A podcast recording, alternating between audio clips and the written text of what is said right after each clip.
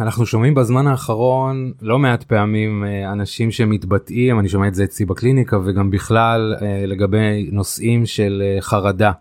אני מכיר את זה גם בתחום האישי שלי, שהרבה פעמים אנשים מוצאים שסמים, אלכוהול, מקלים להם על החרדות, כמובן שבשלב מסוים זה הופך להתמכרות ואז יש עוד בעיה.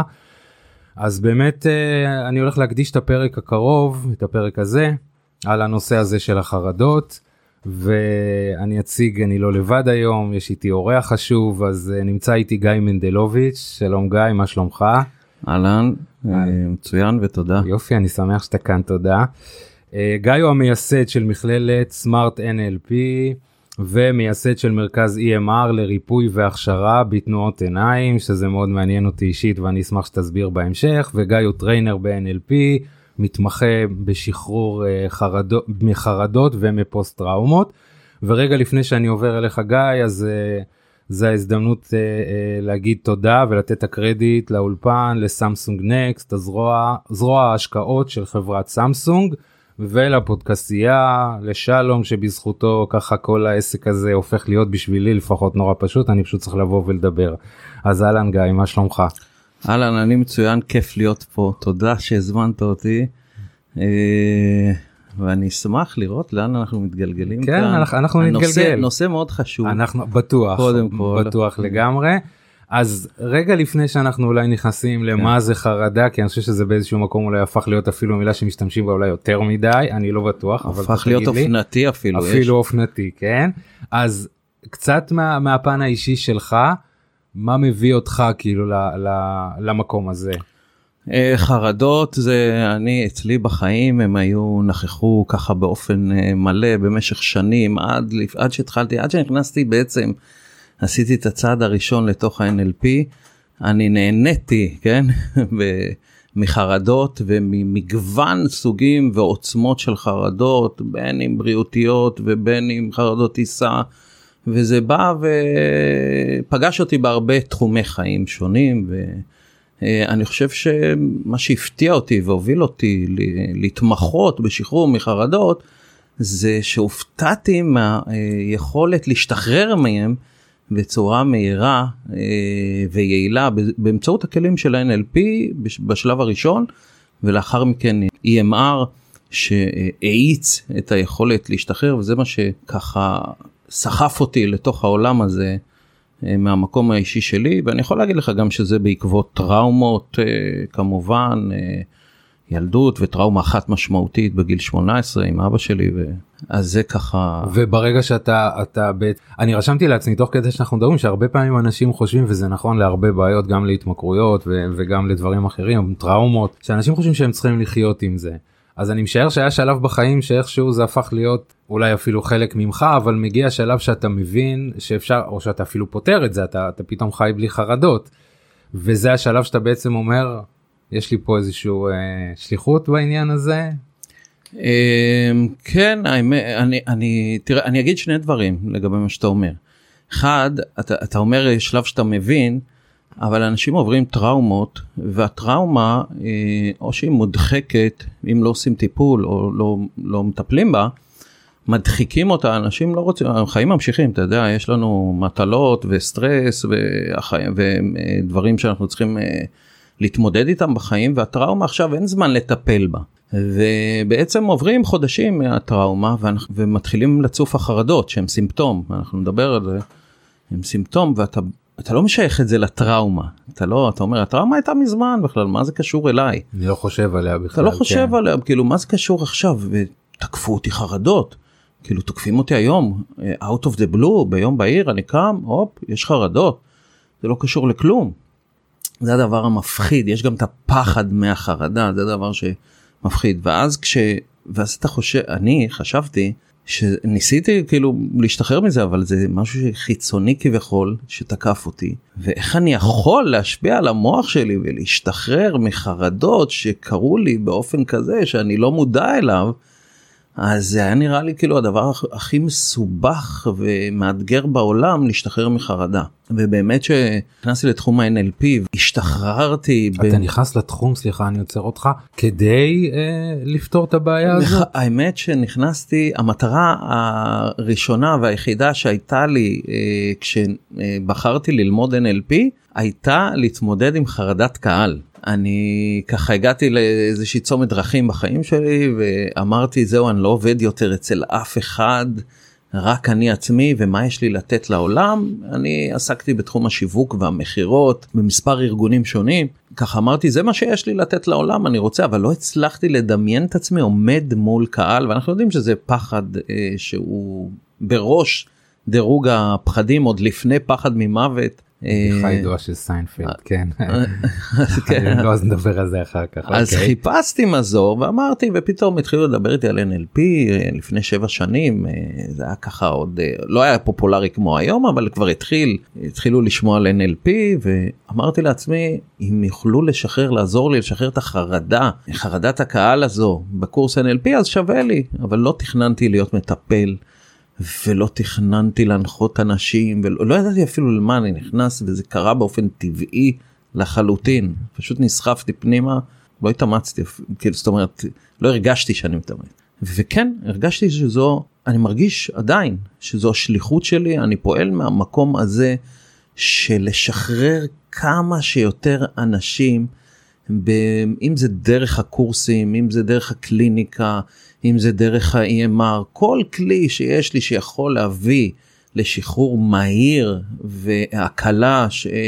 ולאפשר לאנשים לחיות חיים מלאים, בעלי משמעות, אז אני שם, אני שם עם המטפלים שלי ועושה את זה, זה המקום, זה מדהים. להיות בשפע בנתינה. אנשים לא מודעים לאפשרות המהירה הזאת, ולצערי הולכים לכדורים.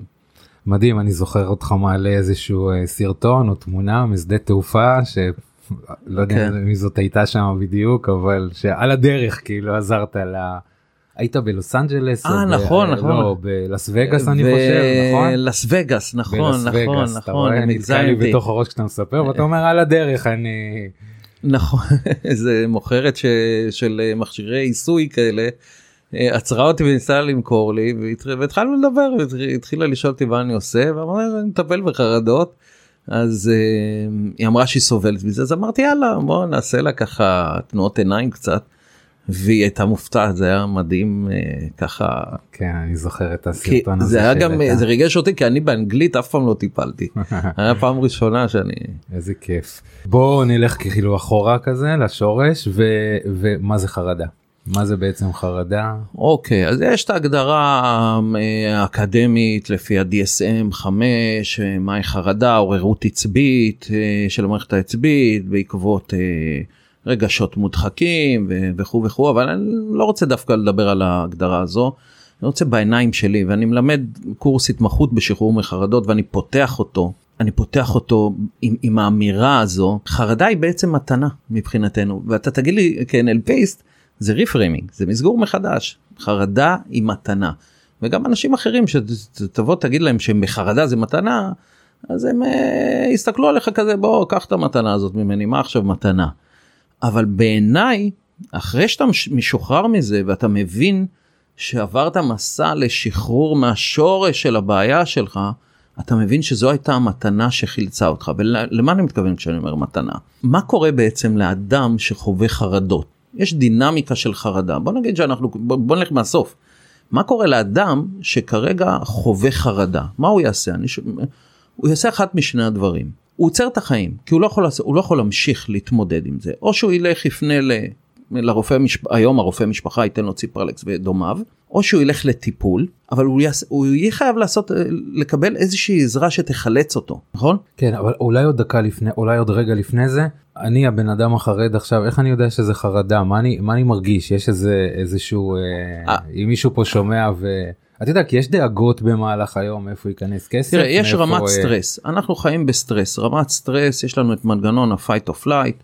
אנחנו בעצם כל חוויה שאנחנו חווים מבחוץ עוברת דרך האמיגדלה שלנו ובודקת האם היא מאיימת החוויה הזאת מאיימת עלינו או לא ואנחנו אה, מעמיסים עלינו סטרס אני רוצה להבין רגע זו השאלה שלך או שאני השאלה שלי יותר היא, היא ברג... יש איזה משהו שאפשר להגיד לבן אדם זאת אומרת מאיפה אני יודע שאני בחרדה אז עכשיו. תראה אה, אוקיי אז צריך לעשות את ההבחנה בין פוביה פחדים לבין חרדה.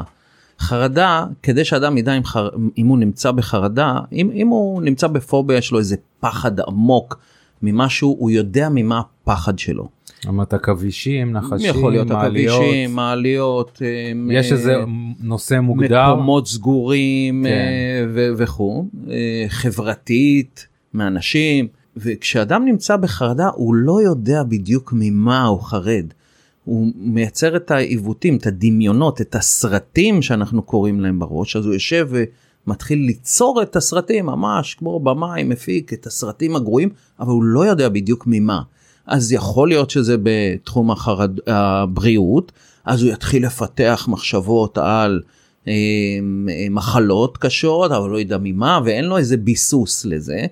או שהוא יתחיל אה, לחשוב אה, על חרדות אה, בתחום, לא יודע, תחום אחר של, של זוגיות, של דחייה ואיך זה ידחו אותו, והוא יתחיל לפתח סרטים שאין להם אחיזה, שהם לא, לא מציאותיים, וכל סרט יגדיל גם, יב- יבנה עוד פרק, סדרות, זה לא פרקים, זה לא סרטים, זה פרקים. ויהיו פרקים נוספים של, שהם יותר דרמטיים ויותר מעוותים אפילו. אז הוא לא ידע בדיוק ממה, תהיה אי ודאות על מה. עכשיו, לעשות את ההבחנה, האדם הפשוט שיש לו חרדות, לפעמים הרבה מתבלבלים, וזה נכון. הרבה קוראים לקצת לחץ חרדה, פוביה או לפחד חרדה. כי זה היום אופנתי, אז כולם קוראים לזה חרדות, יש לי חרדות. אבל לא תמיד זה חרדה, וזה חשוב להגיד האמת. לא תמיד זה חרדה, לפעמים זה לחץ וזה התמודדות עם איזה משהו. אה, זאת אומרת החיים שלנו הם די לחוצים כאילו אנחנו חיים תחת לרובנו אה, סטרס תמידי. אין לנו שקט רגע הודעות אימיילים מה כן יגיע מה לא יגיע איך זה יסתדר לא יסתדר אתה אומר פה יש משהו שהוא יותר מזה. זאת אומרת אם אני הבנתי אותך נכון אני כאילו אעשה עוד הבחנה בוא אני אעשה עוד אוקיי, הבחנה. יש את ההבחנה בין התקף חרדה לחרדות גם את ההבחנה הזאת צריך לעשות אז יש את הפאניק הטק מה שנקרא שאני עכשיו בעוררות פיזיולוגית ויש לי דופק מואץ ואת התסמינים ואני עכשיו ב-fight of flight שלי מופעל וזה החלק המפחיד גם שיוצר אחרי זה את הפחד מהחרדה אני לא יודע מה קורה לי עכשיו.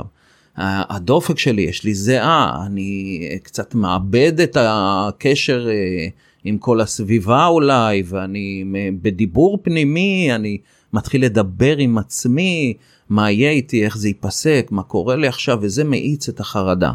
אז זה הפאניק הטק ואת זה אפשר לסיים ברגע יש לי סרטון על זה של עם כמה כלים אה, שאנחנו יכולים ב- להוריד להפחית אגב ההתקף הזה מגיע לשתיים עד ארבע דקות והוא עובר הוא חולף מעצמו.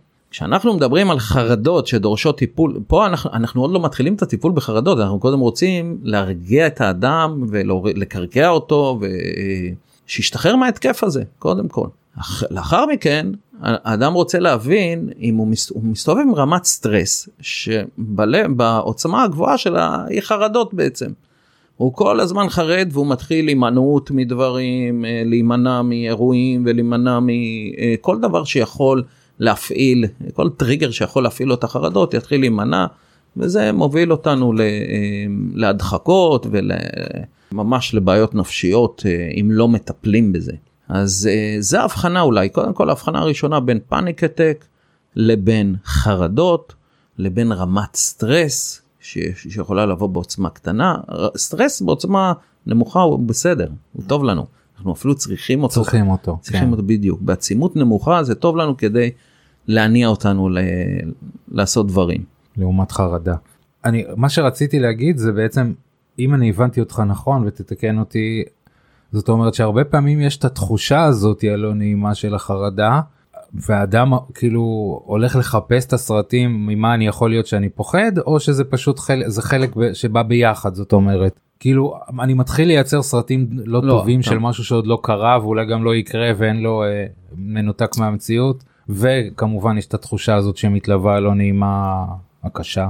לאדם יש מטרות, אתה יודע, אתה גם פיס, אנחנו יש לנו מטרות להשיג בחיים, ונוצר פער בין היכולת שלנו להשיג את המטרות, או האמונות שלנו על עצמנו, כמה אנחנו יכולים להשיג x, y, z, מה שאנחנו מאמינים שאנחנו רוצים להשיג ומגיע לנו. אז uh, יכול להיות שזה בקריירה, יכול להיות בזוגיות, יכול להיות uh, בספורט, מה שאנחנו רוצים להשיג, אבל אנחנו לא מצליחים. יש לנו, uh, אני אתן לך עכשיו את שרשרת החרדה, איך היא מתפתחת. אנחנו לא, יש, יש איזה התנסויות כושלות בגלל אמונות בסיסיות שלנו, שאם נרצה נרחיב על זה אחר כך, ולמה uh, אנחנו מאמצים אמונות בסיס. כמו אני לא מספיק טוב, אני לא ראוי וכדומה.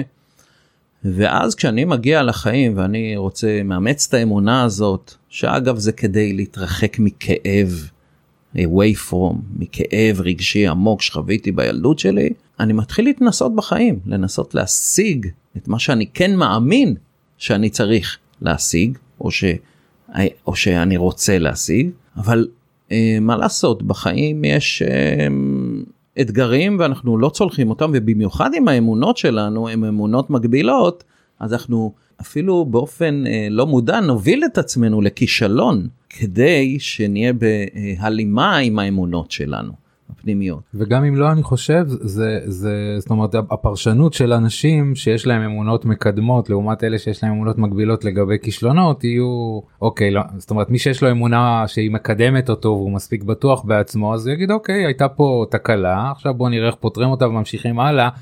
לעומת מישהו שבא באמת כמו שאמרת עם האמונות של אני לא שווה אני לא מספיק טוב שאז הנה אתה רואה זה מה שאמרו לי זה מה שידעתי הנה זה לזה נועדתי או לזה אה, אה, זאת אומרת הפרשנות היא הרבה יותר כמובן אישית על הכישלון ולוקח את זה לעצמו מצוין. אוקיי ואז אוקיי בוא תמשיך מכאן מצוין ה... לגמרי זה הפרשנות ואני אוסיף אפילו יכולת ההתמודדות שהיא נובעת מזה יכולת ההתמודדות שלי ואז אם אין לי את יכולת ההתמודדות אני מקבע כישלונות כשאני מקבע את הכישלונות האלה או שאני מצדיק אותם כמו שאמרת אז בעצם עולים רגשות רגשות שליליים, אני כועס על עצמי, אני בביקורת על עצמי, אני מתבייש שנכשלתי, אני מרגיש אשם אולי, אולי גם פגעתי במישהו בגלל זה, ואז אני מרגיש גם נקיפות מצפון.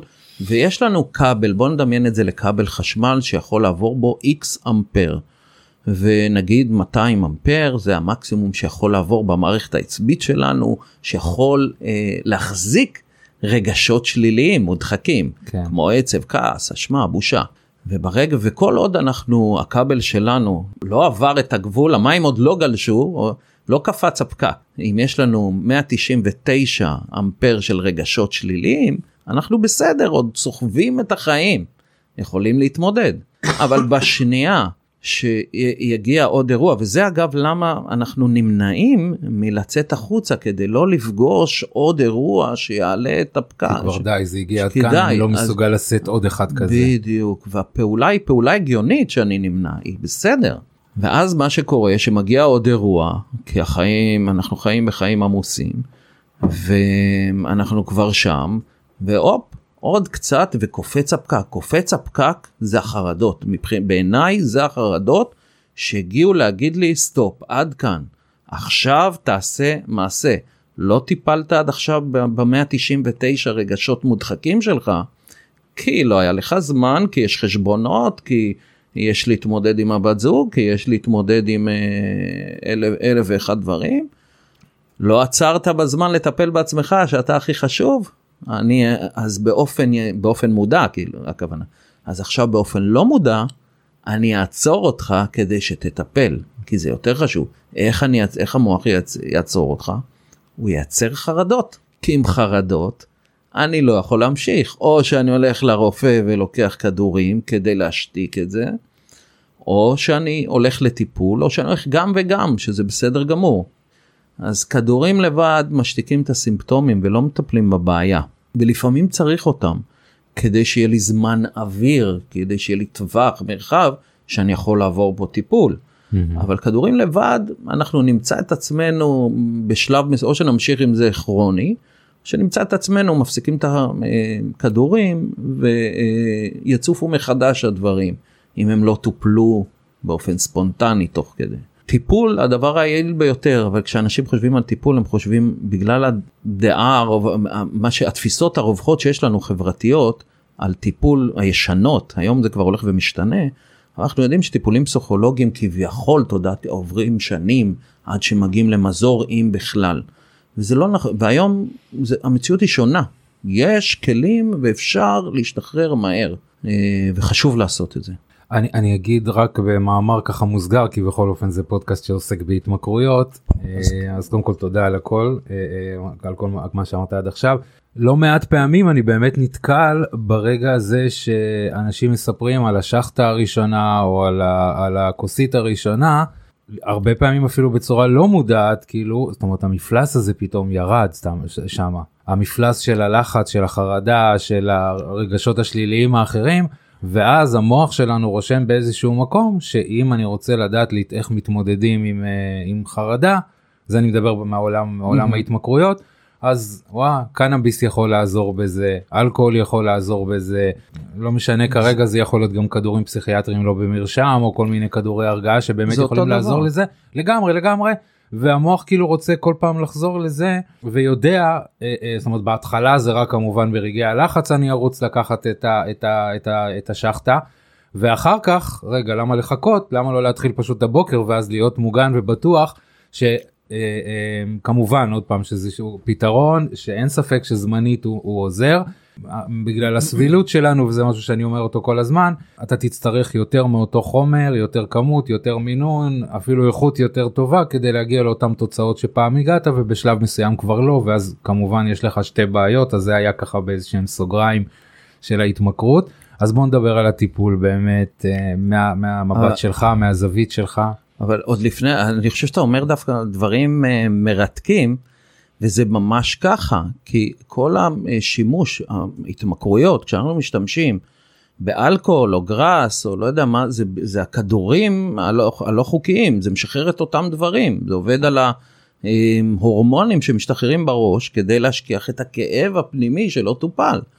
ואז אנחנו באמת משכיחים את זה, משככי כאבים, שמשחררים אצלנו את החומרים האלה שאנחנו לגמרי. מתמכרים אליהם. זה מורפין, כן, כמובן. ואז, ובהקשר של חרדות, אבל בשלב מסוים המוח רושם לעצמו שהוא עושה משהו לא חיובי. למרות שברגע אה, הראשון אני מרגיש הקלה, אני מרגיש רליס, שאני שותה את האלכוהול, שכאילו שיקחתי את הכאב, אבל אה, ב, לאורך זמן, מתחיל להצטבר אצלי בדיבור הפנימי לחץ, אני עושה משהו נזק לעצמי, כי אני יודע שהאלכוהול דופק לי את הבריאות, את הכבד, את הכליות, ואני מתחיל לפתח את, ה, אמ, את החרדה מזה שאני עושה נזק עצמי, עד שאני אגיע לאיזשהו משבר, ואתה אתה, בא מתחום ההתמכרויות, מתישהו יגיעו החרדות לאדם המכור. גם החרדות, גם עוד פעם, בדרך כלל כאילו לחומרים כאלה יש להם איזשהו... אה, זאת אומרת הם, הם יכולים לעזור בתחום המסוים הזה אבל יש להם השלכות במקומות אחרים בדיוק. זאת אומרת אם הסם הזה לא חוקי אז אדוני אתה נמצא עכשיו במקום שבו אתה כבר מתחיל אה, להסתבך עם החוק ליד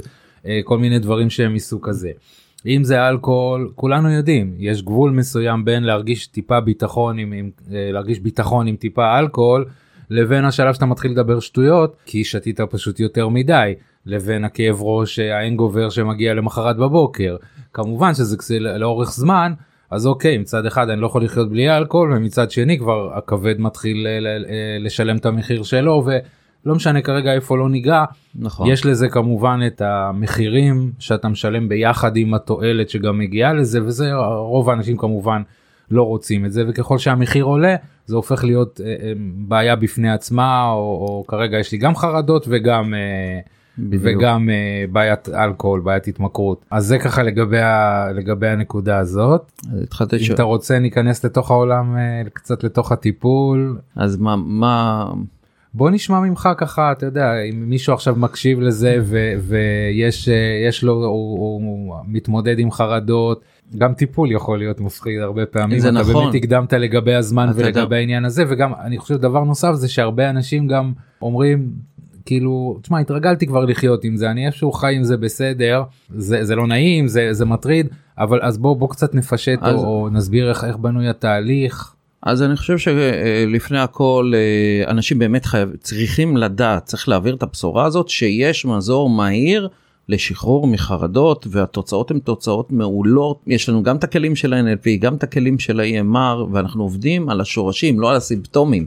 זה היופי, זה מה שאני מלמד בקורס עם מכשיר אנשים וגם זה מה שאני עושה בקליניקה בעצמי. אנחנו עובדים על השורש, זה, החרדה היא סימפטום, היא לא, היא פחות מעניינת אותי כמטפל, לא מעניין אותי ממה החרדה, מבחינתי זה אותו דבר. יש שם איזה משהו, בסיס, כאב רגשי שצריך להשתחרר וצריך לעשות שינוי. אני אתן לך ככה, אפרט לך את הטיפול העמוק ביותר הנכון לטיפול בחרדה. אני הולך פשוט עם האדם לשורש שלו, לבסיס, לאמונות, החלטות ואמונות ברמת הזהות שלו, של מה הוא חושב על עצמו, מה הוא מאמין על עצמו בהקשר של מטרה ספציפית, משחררים שם הרגשה, את התחושה שנוצרה, שממנה נוצרה האמונה הזו, ובעצם אה, יוצרים, אה, בודקים שם, שזה עומד במבחן המציאות. האדם משוחרר, הוא משתחרר מהחרדות שלו, ככה לפעמים ברגע אחד זה נראה כמו קסם. אחד הדברים שאנחנו כן צריכים לשים לב, לב אליהם בתהליך הזה שלפעמים הוא מהיר אנחנו כן צריכים לשים לב לקצב יש אנשים שקצב הטיפול מהיר מדי עבורם וכמטפל אני לא רוצה לדחוק בהם אז אני הולך בקצב שלהם.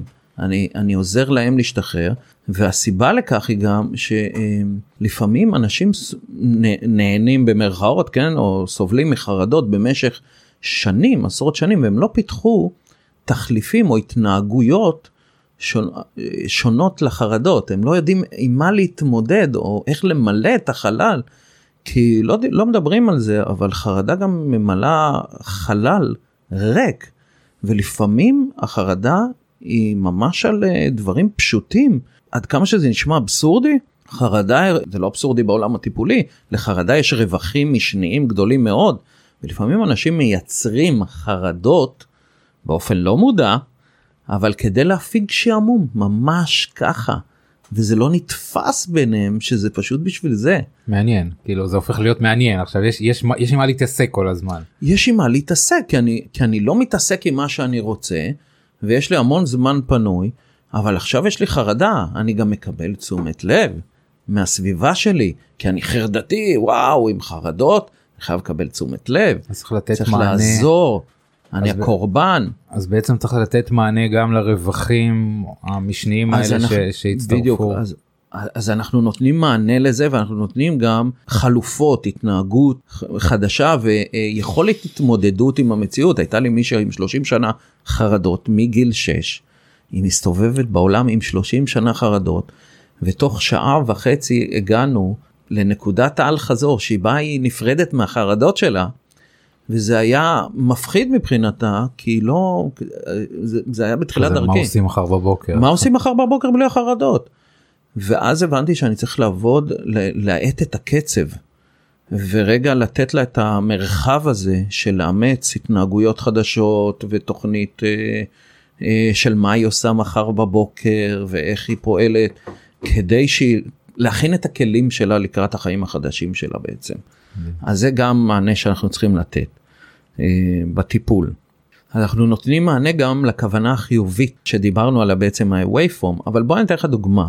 התחלתי לעשן, כשאנחנו מדברים על אה, רווחים לא מודעים ואנחנו מדברים על כוונה חיובית, אנחנו עושים הבחנה בין זה לזה. כי יכול להיות שאדם התחיל, אתה יודע, בהתמכרויות, התחיל לעשן בגיל 13, אה, בגלל לחץ חברתי. כי החברה לחצה עליו והכוונה, והכוונה החיובית שלו, הרצון שלו היה להתקבל לחברה, והוא התחיל... לחברה, כן. אבל היום הוא בן 40, והוא מעשן והוא כבר לא צריך את החברתיות. זה אפילו מרחיק אותו מהחברה. זה אפילו מרחיק אותו מהחברה בדיוק. אבל יש לו רווחים לא מודעים אחרים אז זאת אומרת אין את הכוונה החיובית של גיל 13 אבל היום הוא מרוויח זמן הפסקה בעבודה. אנחנו צריכים לדעת להבחין בזה ולתת את המענה לשני שתי הקצוות האלו. כשאנחנו עושים את זה החרדות פשוט מתפוגגות משתחררות. אמ, קצת על אה, באמת על הנקודה הזאת של uh, תנועות עיניים רקע אולי אין לנו הרבה זמן אבל ככה מה כבר עברנו את כל ה... לא את הכל אבל. אז בואו ככה נדבר על אה, EMR באמת כי EMR אני עבדתי עם חרדות ושחררתי עם NLP אה, עד לרגע ש... והתוצאות היו מצוינות והתחלתי ללמד חרדות. ו... אבל ברגע שהכנסתי לקליניקה שלי תנועות עיניים ואת ה-EMR התהליכים אה, פשוט עבדו יותר עמוק, יותר מהר, יותר חד. ואני חושב ש-EMR זה הבשורה, טיפול, זה כבר בהווה, אבל העתיד של הטיפולים, מטפל טוב שרוצה לתת מענה, יצטרך לעבוד עם EMR, ואני אסביר למה, אתמול עשיתי על זה וובינר ראשון, היום פודקאסט ראשון, אתמול וובינר ראשון, ודיברתי על זה שאנחנו בעצם, זה, מבחינתי זה תגלית, תנועות עיניים. מבחינתי יש לכל אדם מערכת ריפוי טבעית. נולדנו לעולם אתה יודע אנחנו נסרטים ביד העור שלנו נפתח פצע הפצע מתרפא מעצמו. אנחנו לא עושים אנחנו רק מאפשרים לו את התנאים מחטים אבל אין רופא שמרפא את הפצע. הפצע מתרפא מעצמו יש לנו מערכת ריפוי טבעית. אותו דבר לנפש. יש לנו מערכת ריפוי טבעית לנפש רק אנחנו צריכים לאפשר את התנאים. האתגר שלנו של אנשים זה שהאמיגדלה פועלת שהיא, שהיא ברמת עוררות גבוהה האדם בסטרס או נמצא ב fight או flight כמו שאמרת האדם גם יכול להיות חרד מטיפול. הוא יכול להיות חרד מלהגיע למטפל כי אנחנו עושים הכללות אז אם כולם מאיימים גם המטפלים מאיימים ואי אפשר להאמין להם ואולי מ... הוא, הוא לא יעזור לי אז, אז אני חושש ממה יקרה שם. ותנועות העיניים עוקפות את הדבר הזה ומאפשרות לנו להגיע להרגיע את, ה, את מנגנון הסטרס את האמיגדלה. וברגע שאנחנו מרגיעים את מנגנון הסטרס החוויות שלנו יכולות לעבור עיבוד מחדש כי אנחנו בטראומה אנחנו לא יכולים אה, לראות את כל המציאות אלא אנחנו רואים חלקי מציאות. ואנחנו כרגע מתמודדים, הפוקוס שלנו על, על ההישרדות, על ההתמודדות מהדבר שקורה כרגע. ולכן הפרשנויות שלנו הן בהתאם, והן לא מכילות את כל האפשרויות שנמצאות, ואנחנו רוצים להרגיע, זה נתקע, כביכול זה נתקע במגדלה, הסטרס הזה הולך איתי, זה מה שקורה עם טראומה, הסטרס, הפוסט טראומה בעצם שאתה ממשיך עם הסטרס ואז מתפתחים תסמינים. בעצם כאילו האירוע הזה לא נגמר והוא בעצם הוא... לא- ממשיך, בדיוק. או לפחות הרגשה שכאילו התלוותה לא ממשיכה איתי כל ממשיך, הזמן. ואז אני גם לא נרדם ובלילה אנחנו, יש קיבוע זיכרונות ואנחנו, אה, אדם לא נרדם והוא לא מקבל את הריפוי שלו וכאן עם תנועות עיניים אנחנו יכולים ברגע אחד להרגיע את האמיגדלה ולאפשר למוח לעבור את העיבוד הזה מחדש וזה עושה פלאים ובמהירות זה פשוט כמו קסם.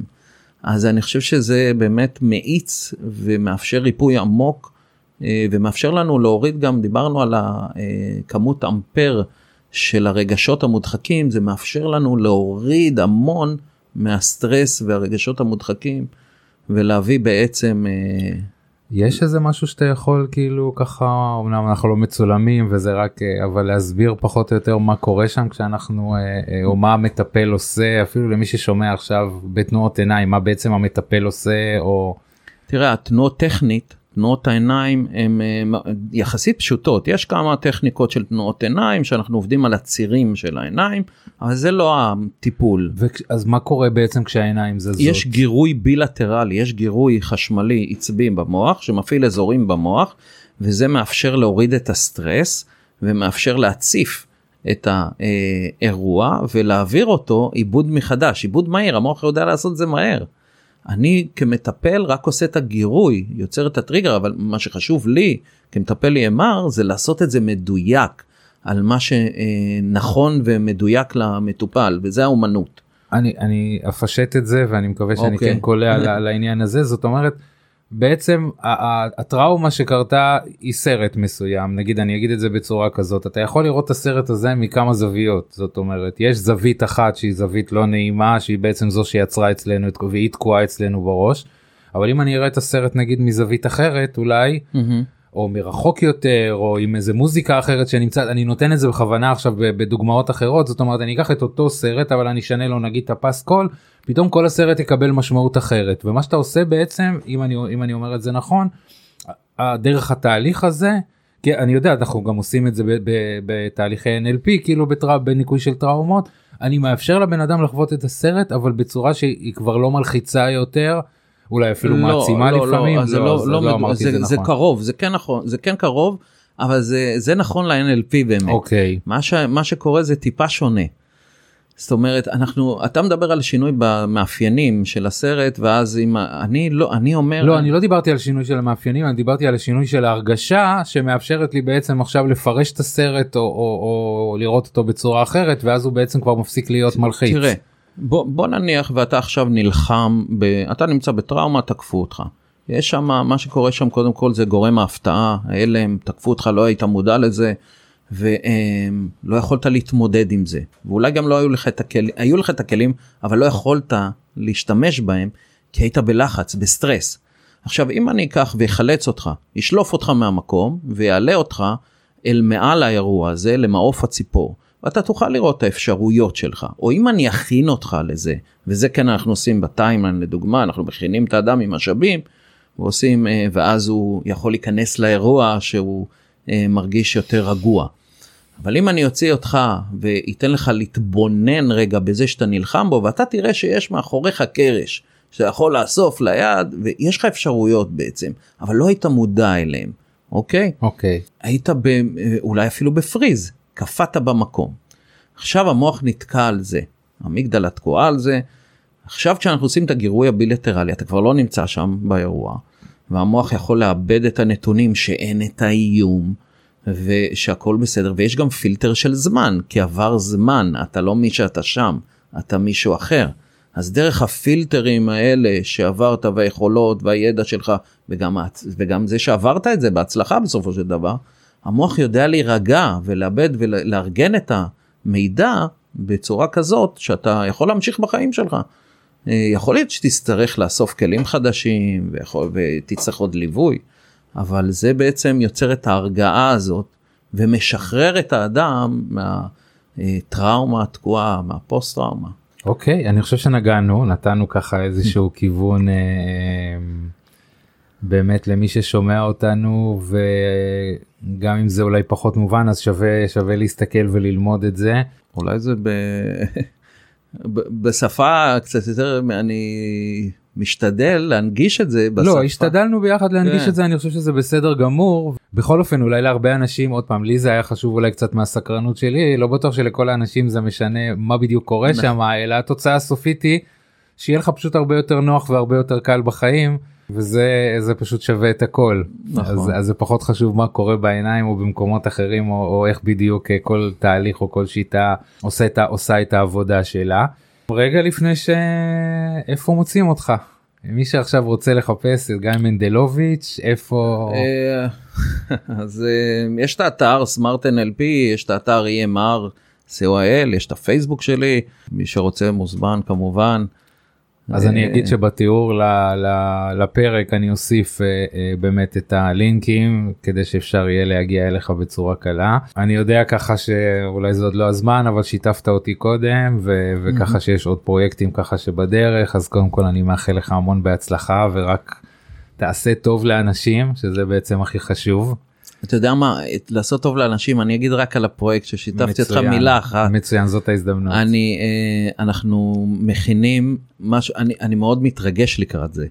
אנחנו מכינים סדנה אה, ייחודית ומיוחדת שבעצם הכנה לקראת אהבה שהיא גם עוסקת בחרדות האמת. אז אם כבר אני ודוקטור ליאת יקיר יוצרים בעצם סדנה ייחודית שבה אנחנו נעביר תהליך שבו אדם יודע מי הוא מבחינת הזהות הזוגית שלו, מה המאפיינים שלו ומה הוא אמור לחפש, ואיך הוא גם משתחרר מחרדות ומפחדים לקראת זוגיות ואהבה. בעצם להכין את האנשים לאהבה, ואתה יודע מה, זה הצד השני של הטראומה.